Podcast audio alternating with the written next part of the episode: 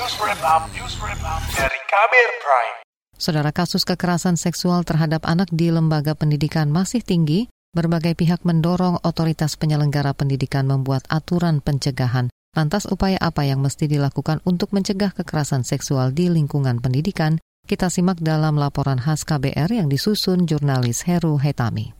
Organisasi pemerhati anak Save the Children menilai kasus kekerasan seksual pada anak paling rentan terjadi di lingkungan lembaga pendidikan. Juru bicara Save the Children Indonesia, Dewi Sri Sumana mengatakan lembaga pendidikan umum maupun keagamaan harus memiliki kebijakan keselamatan anak. Ia mengatakan selama ini belum tersedia sistem aturan keselamatan anak termasuk kode etik kegiatan bersama anak. Jadi termasuk juga boleh dan tidak boleh gitu perilaku-perilaku yang dilakukan selama berkegiatan bersama anak. Contohnya misalnya tidak ada lagi aktivitas yang dilakukan hanya dengan oleh seorang guru dan seorang anak gitu tanpa ada diketahui oleh pihak yang lain. Jadi itu salah satu yang penting yang harus di, di, di segera dilakukan gitu ya oleh lembaga pendidikan ini punya kebijakan keselamatan anak yang di dalamnya ada kode etik berkegiatan bersama anak. Juru bicara Save the Children Indonesia Dewi Sri Sumana mengatakan lembaga pendidikan juga harus selektif dalam merekrut tenaga pengajar maupun karyawan sekolah. Menurutnya rekam jejak diperlukan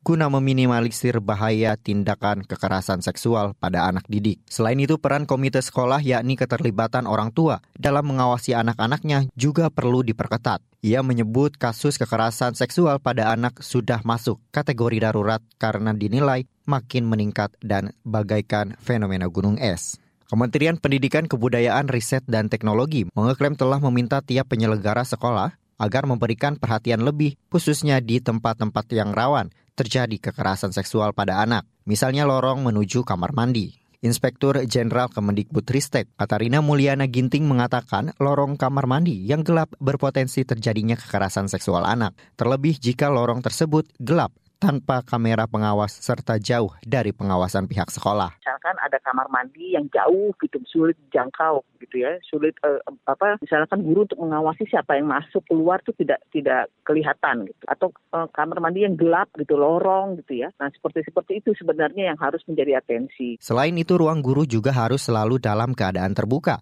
agar jelas siapa yang keluar masuk. Hal ini juga untuk memperkecil terjadinya kasus kekerasan seksual anak. Katarina menambahkan, perlunya pemasangan kamera pengawas atau CCTV di beberapa titik di sekolah. Kalau perlu ada CCTV pada uh, area-area publik di kelas, di lorong, di jalan gitu, di jalan apa di lapangan gitu. Jadi uh, jadi itu juga bagian yang harus uh, menjadi atensi bagaimana semua bisa saling memantau. Federasi Serikat Guru Indonesia FSGI mendorong perlu ada aturan hukum tentang kekerasan yang menyeluruh tidak sebatas pada kekerasan seksual namun juga kekerasan fisik guna melindungi anak-anak di lingkungan sekolah dan pondok pesantren. Dewan Pakar FSGI Retno Listiarti mengatakan masih ada aturan hukum yang belum membahas kekerasan pada anak secara menyeluruh. Salah satunya Peraturan Menteri Agama RI Nomor 73 Tahun 2022. Menurut Retno, aturan tersebut hanya membahas pencegahan dan penanganan kekerasan seksual di lingkup sekolah di bawah kewenangan Kementerian Agama. Padahal, menurut Retno,